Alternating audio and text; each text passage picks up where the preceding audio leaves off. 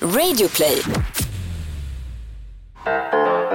Hej och välkomna till alla era frågor med yours truly, Anna Dahlbeck. Och Amanda Koldén, halloj! Just det, hej hej!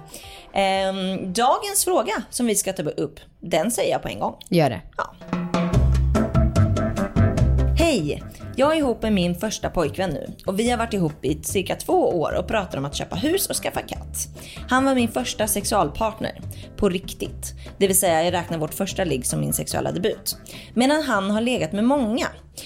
Eh, han tror att det är cirka 70-100 stycken. Alltså KKs och one night stands. Och han har haft en flickvän tidigare. Jag är rädd att jag kommer ångra att jag inte har legat med fler. Jag skulle gärna ha gjort det men det dök inte upp några lämpliga tillfällen slash människor. Och att han tröttnar på vårt sexliv eftersom jag ofta känner mig blyg, fumlig och oerfaren. Vad tycker ni? Borde jag exper- experimentera mer med andra? Har jag legat med för få? Åh, vilken fråga. Vilken stress. Ja, vi går in på internet som i det här fallet faktiskt är allt för föräldrar. Alltså det forumet. Och där är det någon som skriver så här. Jag har också bara haft sex med en man, alltså min man. Och han har bara haft sex med mig. Vi brukar ofta tala om det. Det känns lite konstigt och unikt nu när alla verkar pippa som kaniner. Vi är båda nöjda till tusen. Innan vi fick barn hade jag lite romantiska funderingar och fantasier om andra män. Som faktiskt ledde till att jag kysste en arbetskamrat på en fest. Jag kan ju säga att där blev jag tokbränd direkt. Hans sambo kom näm nämligen för att hämta honom. Han, hon såg det och blev såklart jätteledsen. Jag skämde som en hund. Bad henne, min arbetskamrat och min man om ursäkt och minns det fortfarande med fasa. Kyssarna kändes bara konstiga och fel. Som att kyssa en släkting. Nej, det var helt avigt och konstigt och mina fantasier blev som bortblåsta. Jag gör inte om det i första taget. Strax efteråt fick jag veta att jag var gravid och jag undrar om det var graviditetshormonerna som gjorde mig alldeles vild och galen på den där festen. Slutsatsen är i alla fall att jag och min man älskar varandra och har ett underbart kärleksliv. Med alla partners kommer den grå vardagen smygande eh, till sist. Vilda lekar kan man leka med sin partner också. Man kan till och med gå ut på krogen var för sig och ragga upp varandra. Håller det så håller det och tar det slut blir det väl att försöka hitta någon annan att leva med. Men otrogen, det tänker jag inte vara. Kyssen gav ingen mer smak. Okej, och så vårt svar. Mm. Ja, ehm, jag skulle vara skitstressad, ärligt talat. Ja. Alltså jag, vi, vi har ju pratat om det rätt ofta, eh, vikten av att leka av sig. Om man känner att man har det behovet. Mm. Och eh, jag har haft det behovet väldigt mycket. Och eh, kanske är det därför jag också är, liksom, har känt stress över att typ verkligen så få det garanterat att Marcus är avlekt. Mm. Eh, eftersom jag har haft ett sånt starkt behov.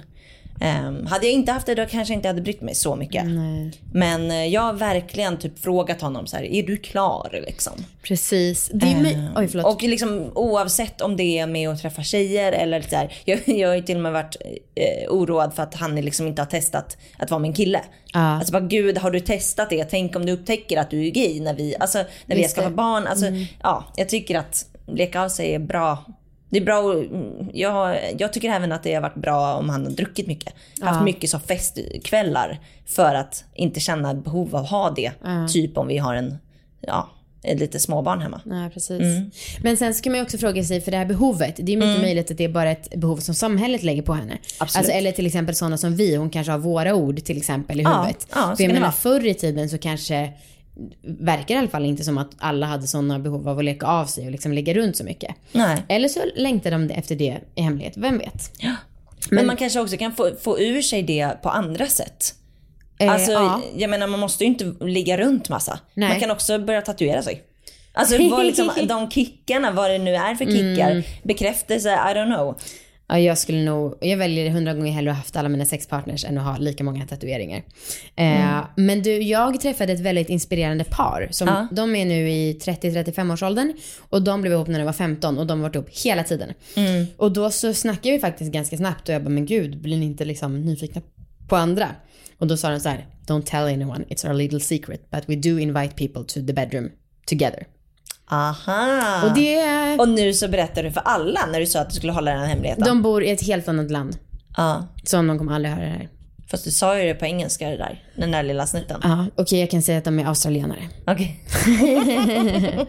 Eh, nej men, och det tyckte jag var fint. Ja.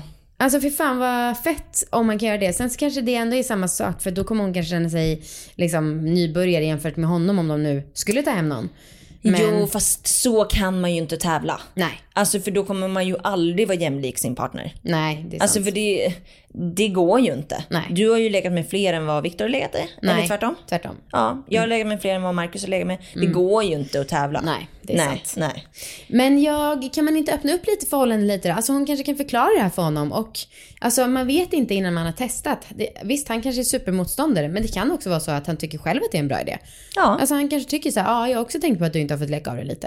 Det är Ja. klart du ska testa. Jag är okej med det. Ja.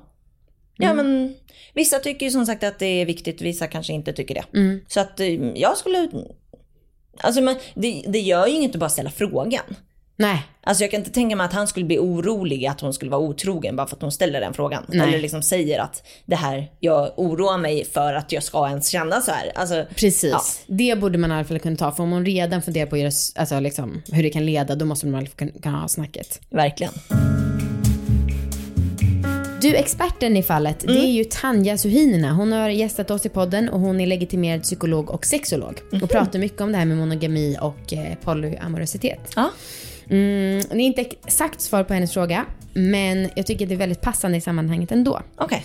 Då har hon en, ett blogginlägg och- där jag saxar det här. Monogami är inte neutralt. När man lever enligt normen är det vanligt att man också tänker att det normala är ett neutralt grundläge. Men monogami är precis som icke-monogami ett val, en uttalad preferens. Och du och din partner har exakt samma rätt till att föredra en särskild form av relation. Du kanske upplever att det är du som måste förändra dig, men det handlar mer om att ge tanken på alltså polyamorositet en chans. Nu har jag trots allt redan gett tanken på monogami ganska många chanser, så nu kanske ni åtminstone orkar fundera på saken om polygami. Jag fortsätter eller? Mm. Det finns en vanlig varning när man pratar om att öppna upp förhållandet och det är att man inte ska ställa upp på icke-monogami av rädsla att förlora sin partner. Det är fullt rimligt. Lika rimligt är det att din partner inte ska behöva ställa upp på monogami av rädsla för att förlora dig.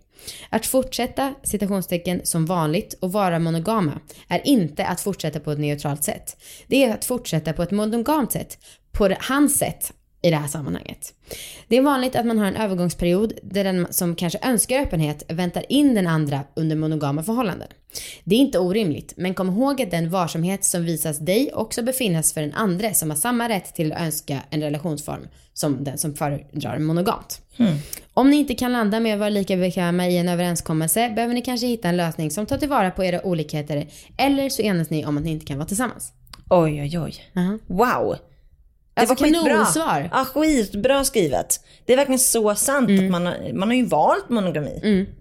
Man behöver inte välja det. Nej. Bara för att det är liksom vanligast att folk har Äh. det. Ja, men jag tycker verkligen, det kanske har med alla våra ligg att göra, men jag tycker att jag har fler och fler par. Har lite som de, det paret som du berättade. Äh. Lite så i hemlighet. Gud, du måste säga till mig sen. Ja. Jag är jättenyfiken nu. Okej, men det var det. Det var det, vi hörs imorgon. Hej då! Hej då!